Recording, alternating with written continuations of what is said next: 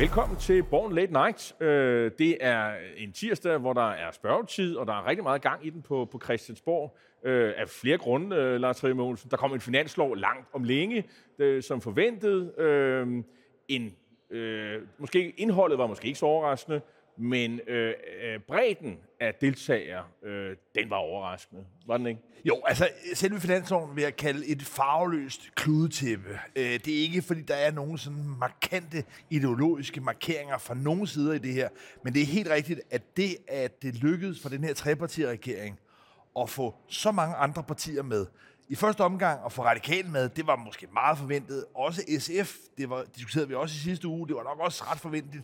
Men det, at det lykkedes at få både Liberal Alliance og Dansk Folkeparti med, det var jo det, der ligesom skabte en balance, altså også en politisk rød blå, om man vil, og noget, jeg tror, man må have været meget tilfreds med i Venstre. Ja, det er jeg helt sikker på, det var. Øh, man kan næsten høre det lettelsen suk, øh, der kom fra Venstre over, at øh, Liberal Alliance, som jo ligesom dem, der er rent med broderparten af deres stemmer, øh, at de kom med. Øh, nu sagde du, at der ikke var nogen sådan ideologiske øh, markeringer. Jeg, jeg, synes jo trods alt lidt, øh, at de liberale alliance, skal jo sige, de har fået lidt, lidt skattelettelse, sådan en aktiesparekonto, der bliver knap så meget beskattet, og, og de unge mennesker, der arbejder og sådan noget, de, de, de får også lempeligere beskatning og sådan noget det, det er jo lidt i, ah. i en stil, som de arbejder med. Ja, ja, det er med på. Altså, selvfølgelig kan man godt u- meget enkelt se, hvad det er for nogle øh, kan man sige, indrømmelser, de forskellige partier har fået, og det er, det er oplagt noget, som mm. Liberale har fået. Men hvis vi kigger på det i kroner og øre, så er den her finanslov altså nede i en størrelse, der minder lidt om et budgetforlig i en kommune. Altså, ja, en større øh, kommune. Hvis, ja, en større kommune. Jo, jo, men hvis du tager for eksempel altså Københavns Kommune, hvor vi er her nu, der er det jo nogle langt, langt større beløb, der bliver forhandlet mellem partierne. Og helt konkret er det jo, øh, altså rammen, som de startede ud med, det var 200 millioner, og man endte med, med 350 millioner. Og man kan sige, det hvert parti, der går med, har vel fået i omegnen af 50 millioner, og måske 40-50 millioner at lege med. Det er vel, det er vel de indrømmelser, ja, der er. Ja, men klart nok, hvis man skal prøve at skueliggøre det, så øh, en af de ting, som for eksempel Dansk Folkeparti fremhævede, det var, at man havde fået en 3-4 millioner kroner til dyrenes vagtcentral, altså en døgnbemandet telefon, hvor man kan ringe ind, hvis man har mistanke om vandrygt af dyr. Radikale de fik et tilsvarende beløb til 4 millioner kroner til en taskforce for højt begavede børn. Og på den måde synes jeg jo, at det er en meget ideologisk markering. Den Folkeparti Morten Messersvigt, han vil gerne gøre noget for dyr øh, Martin Lidegaard og øh, Radikale, ja, de vil gerne gøre noget for akademikerbørn, og på den måde blev det fordelt sådan, synes jeg, meget men, øh, næsten altså tegnesærk. Du får det til at lyde som om, det var det eneste, det vi igennem, men altså, der var jo også noget med på miljø og andre ting. Men det er jo, det er jo ja, en de ting. Men, men, altså, men helt marginalt. Øh, jo, jo, det er med på, men altså, det, det var bare, men, men der, de fik dog flere indrømmelser end det.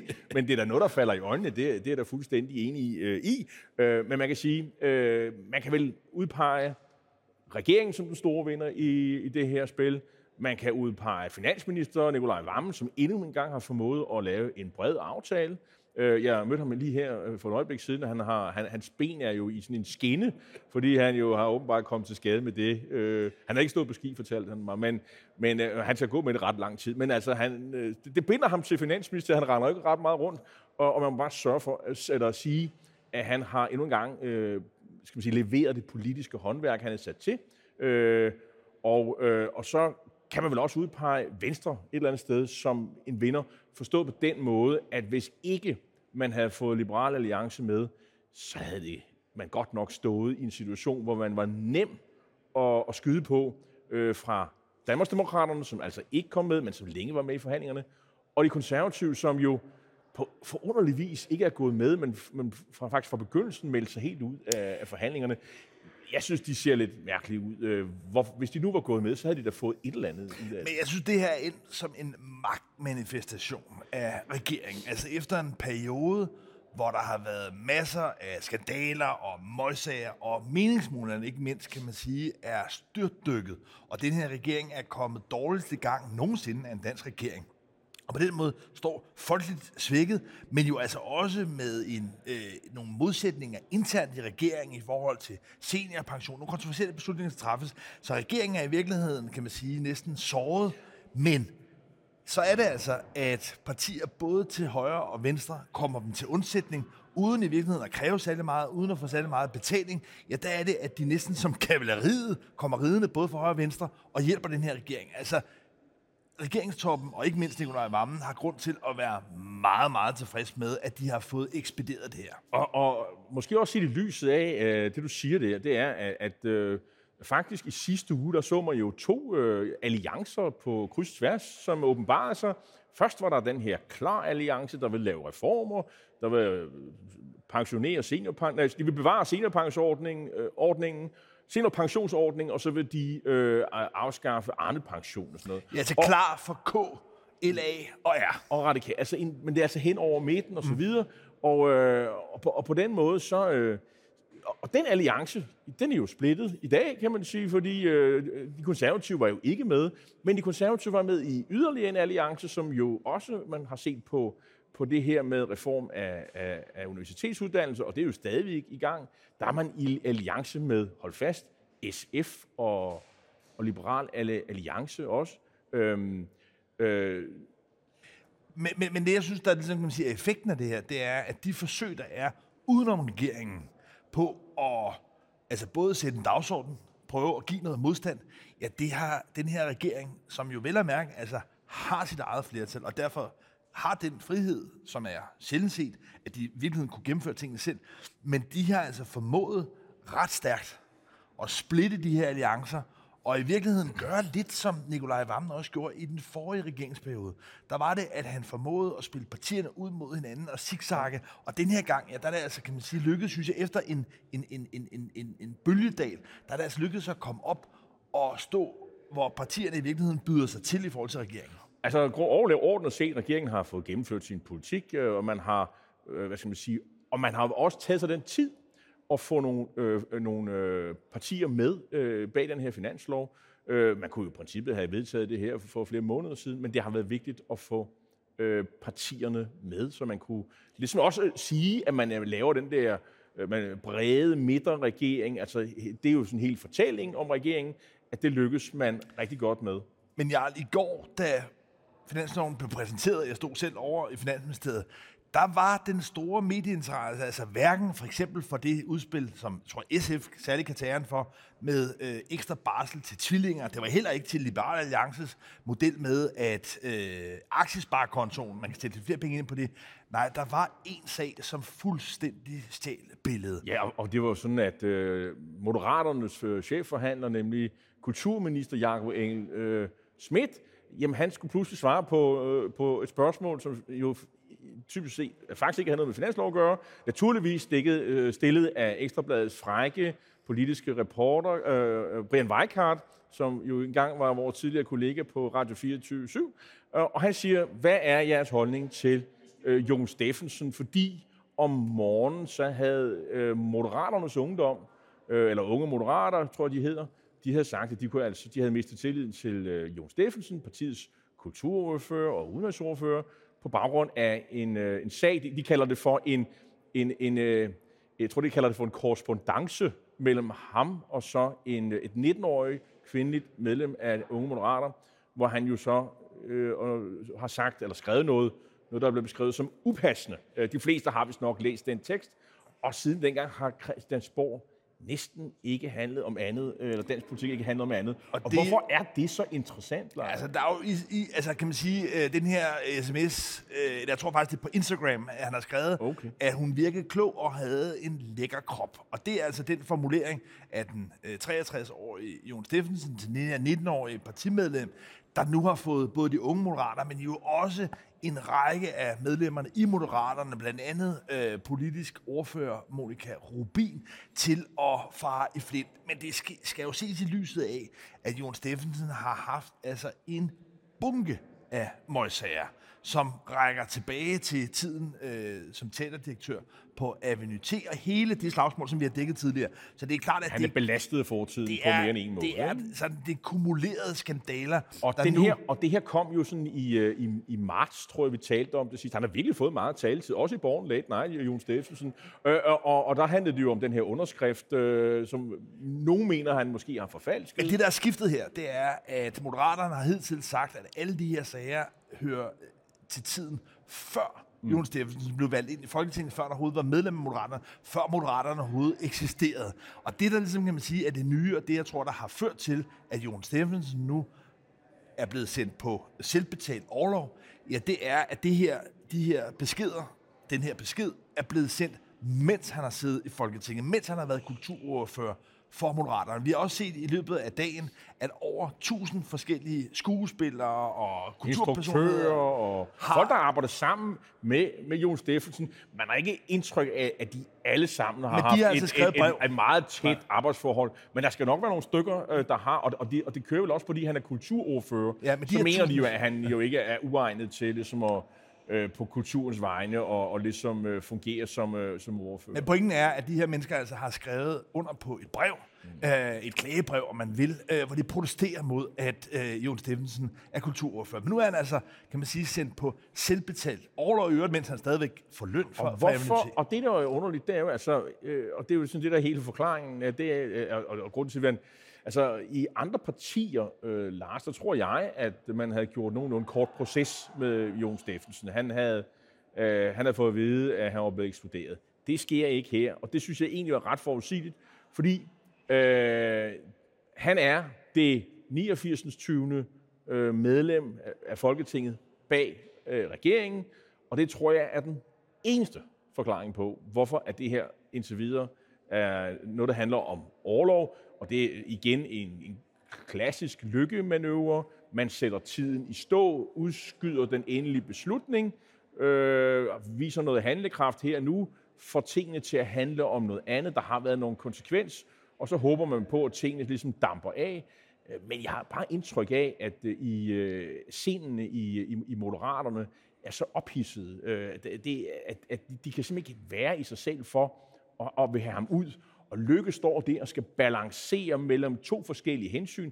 Regeringens flertal, hans egen magt og ministerpost i sidste ende, øh, og så, øh, hvad hedder det, hensynet til sit eget parti, øh, hvor han jo har tidligere i Venstre, jo, hvor han har, han har jo nogle gange, jeg vil ikke sige det helt samme situationer, men han har selv været i vanskelige situationer, hvor han jo også skulle balancere øh, og, og, og har formået at, at komme igennem her. Jeg vil sige, at hans erfaringer på det område, de virkelig kommer til sin ret her. Altså, hvordan man øh, manøvrerer i sådan en mediestorm, men også i en, en storm i sit eget parti. Og man kunne jo være sådan lidt frisk og sige, jamen alle de der mennesker, der er medlem af Moderaterne og, og Moderate Ungdom osv., jamen øh, de, hvis de er meget utilfredse, så hvis de, det behøver de ikke at være, fordi øh, de kender Lars Løkke.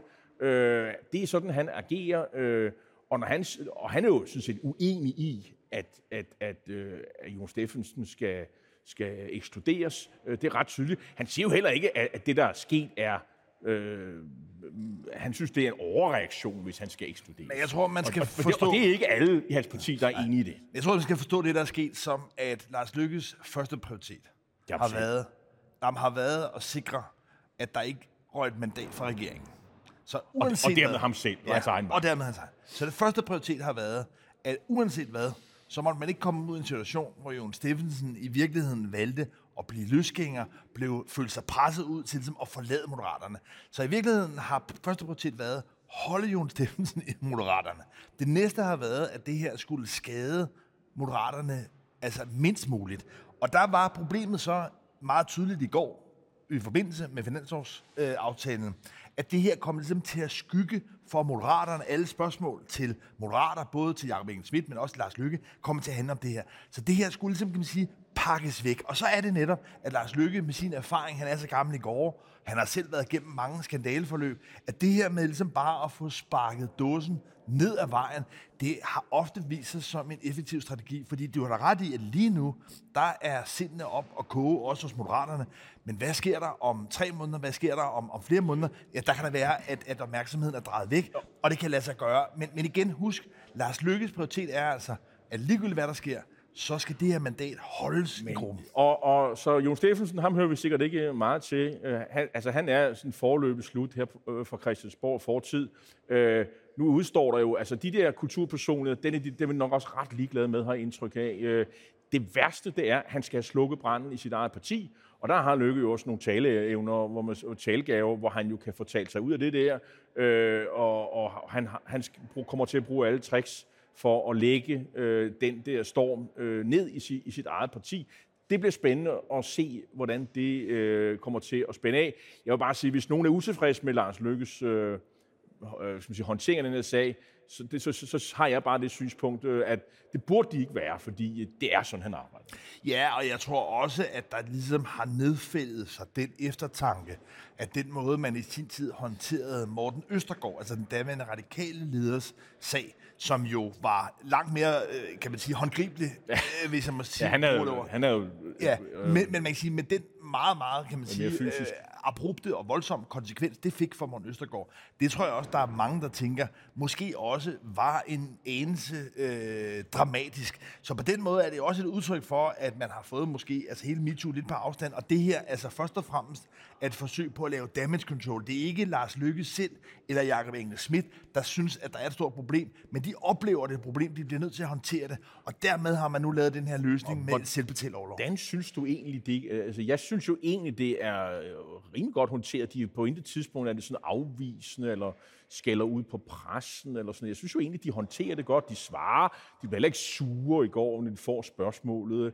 Altså, Lykke har jo tidligere fået spørgsmål Jon Steffensen, hvor han jo siger, hallo, vi er i krig, øh, vil ikke øh, svare på spørgsmål der var vi ikke rigtig i går. Lykke kommer frem i går med, med en, øh, en video, hvor han jo faktisk forholder sig til hele sagen og sådan noget. Så altså, det, det er meget mere alvorligt den her gang, og der, man kan ikke smide Ukrainekortet øh, i den her omgang. Det, det er der, vi er.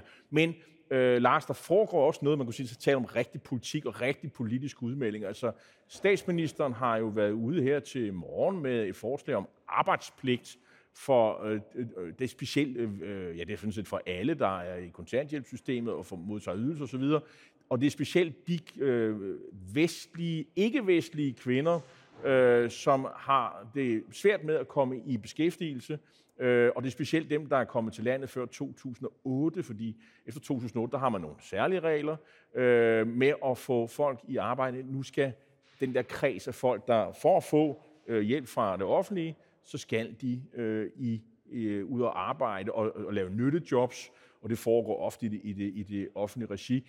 Det her, det er jo, øh, det er jo også, det, dels er der noget med arbejdsudbud, men det er jo også øh, værdipolitik. Øh, kvinder fra ikke-vestlige lande, de skal ud og arbejde. Der er noget integration i det her.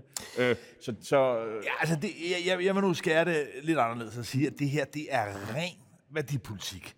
Forstået på den måde, at en meget god måde at vurdere, om noget ligesom har en effekt, det er totalt at bruge Finansministeriets øh, regnemetoder.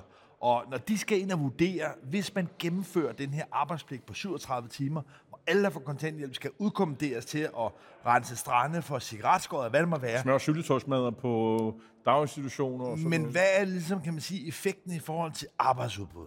Og der vurderer Finansministeriet, at det er omegnen af 250, eller med et andet ord, reelt ingen. Så det er ikke sådan, så de folk, der ved noget om det her, vil sige, at det her får folk vejet i beskæftigelse. Men det, det gør, og det er det afgørende for Mette Frederiksen her, det sender et signal. Det sender et værdipolitisk signal om, at Socialdemokratiet er klar til at tage jernhansen på, særligt over for indvandrere og flygtningekvinder. Og her kan, tror jeg ikke, at man hun får nogle problemer med, med Venstre eller, eller Moderaterne. Og, og det er jo også noget, som, hvor man også holder en... Øh, hvad skal man sige, hvor, hvor, hvor Dansk Folkeparti og Inger Støjberg ikke kan ligesom få, få en, en fod indenfor og, og, og skyde på det her problem. Så det tror jeg er, er godt. Det, der måske var skidt for statsministeren, det er, at øh, Jo Steffensen-sagen, den ligesom øh, har, har overtaget det, det meste af, af sendefladen i, for dansk politik jeg tror også, der er, i øjeblikket. Der er to altså, jeg tror, det her kan blive en, en stor diskussion, kan man sige, som både kan, man sige, kan genantænde den her sådan lidt mere nationalkonservative udlændingepolitik, som er visnet lidt bort i de senere år. Men jeg tror også, det er noget, der kan afføde to typer af kritik, særligt for venstrefløjen og ikke mindst for fagbevægelsen. Fagbevægelsen vil meget slå på, at det her det kan føre til noget løntrykkeri, forstået på den måde, at man får nogle mennesker ud, som i virkeligheden ikke skal have nogen løn, men som skal lave et eller andet, der totalt giver nytte, vil det ligesom føre til, at der er andre jobfunktioner, der ryger ud, der får en lavere løn. Så det er ligesom det ene. Og det andet, kan man sige, som store dele af venstrefløjen også vil slå på, det er, at vi er i den mærkelige situation i Danmark, at fordi man har strammet vilkårene så meget for førtidspension og andre sådan varige ydelser, så er der rigtig, rigtig mange mennesker i det her land, der er syge, men på kontanthjælp. Og hvis man møder dem, hvis man taler med dem, så er det ret tydeligt, at de mennesker ikke har nogen arbejdsevne. Men der er ikke rigtig nogen kasse længere, de kommer i. Tidligere kom de på førtidspension. Det har man fået lukket ned for. Men det betyder i praksis, at en ret stor gruppe af også de etniske danskere, der er på kontanthjælp, de har altså ikke en arbejdsevne til 37 timer. Så man vil få en masse sager. Man har tidligere haft det med sådan nogle ret absurde forløb, hvor folk har været ude i senge, øh, få timer om, om måneden, men som, altså folk, der har været handicappede, folk, der har været psykisk syge, som er blevet tvunget til sådan noget arbejdsprøvning. Så derfor tror jeg altså, at når det her møder virkeligheden, og det her ikke kun handler om øh, kvinder, der sidder i, i betonlejligheder, i, i, i ghettoer, men det også er alle mulige danskere med skavanker, og, og jeg, der skal tænkes ud, så og kommer det, der problemer. Og, og det er også interessant, fordi det er faktisk ikke kun øh, venstrefløjen, der, der kritiserer det her. Jeg så i hvert fald en konservativ ordfører her til morgen, der, der heller ikke troede på, at det her havde nogen effekt. Øh, så det, det er også vigtigt at holde sig for øje. Øh, man kan, vi kunne også lige komme omkring, at der har været en norsk avis, der har gjort øh, statsministeren til... Øh, til, til favorit til at overtage efter øh, Stoltenberg som NATO-generalsekretær. Og, øh, og det var der ikke rigtig nogen, der tog alvorligt, bortset fra, at der var nogen, der kunne skrive, nogen, skrive af fra den norske avis. Øh, øh, og, men i går, der måtte statsministeren simpelthen gå ud og sige, der, hun er ikke kandidat, slut færdig. Og det var på sådan en overbevisende måde. Så, det, altså, jeg, jeg, jeg, altså, det, det, det, jeg, kan, husker du ikke Anders Fogh? Oh, men, altså, Anders Fogh, jeg, jeg minder bare om, at der, vi havde et forløb, hvor Du Anders tror Fogh, på den stadigvæk? Nej, nej, jeg siger bare, vi havde et forløb, hvor Anders Fogh var ude uge for uge og afvise det. Jeg, jeg tror faktisk, det var Inger Støjberg, der gjorde det på vejen ja, ja, ja, men, der, ja. Men, øh, men han var også selv, kan man sige, der var intet altså, at, at, at komme efter. der var intet at komme efter. Og så lige pludselig, hov, så var der altså ting, som han synes dengang som statsminister ja, var mere spændende. Men jeg, jeg, synes, tror ikke, jeg tror ikke på Jeg synes ikke rigtigt, jeg har mødt nogle jagttager, der, har, der tror på det. Af flere grunde blandt andet, fordi skulle, så skulle det være tredje gang i træk, en skandinav skulle have Øh, Øh, posten. Og jeg mener også, der er noget med, at den går fra borgerlig og en socialist, og en borgerlig og en socialist, og i øjeblikket er det en socialdemokrat, en norsk socialdemokrat, der har, øh, der har magten, så det skal altså være en borgerlig et eller andet sted fra, formentlig fra Østeuropa, vil jeg, vil jeg gætte på. Ja, men det der, tror jeg, er præmissen i hvert fald for nogle af de folk, som beskæftiger sig med det i Bruxelles, hvor NATO-hovedkvarteret jo ligger, det er, at det skal være en kvinde den her gang. Og derfor er storfavoritten til at blive ny NATO-generalsekretær EU-kommissionsformand Ursula von der Leyen, der er tidligere tysk øh, forsvarsminister og øvrigt også konservativ. Så hun klikker ligesom af på alle øh, parametre. Udfordringen her er bare, at positionen som EU-kommissionsformand altså er noget tungere, kan man sige, end NATO-generalsekretær. Øh, Men altså, jagten er gået ind erstatningen til Stoltenberg skal angiveligt være en kvinde, men du har nok ret i, at det bliver nok snarere en sydeuropæisk kvinde, eller en østeuropæisk kvinde. Af borgerlig, af borgerlig, af borgerlig observans. Men ja. man kan sige, at Mette Frederiksen, tror jeg, ligesom også efterhånden klikker af på de borgerlige øh, markører i tilstrækkelig grad. Pointen er bare, at, øh, at vi nok ikke skal regne med, at hun øh, lige med det samme laver sådan en Anders Fogh. Det var alt, hvad vi havde, øh, havde at bringe, kunne man sige, og tale om her fra Vandrehallen på Christiansborg. Tak fordi I så med. Vi er tilbage igen på næste tirsdag.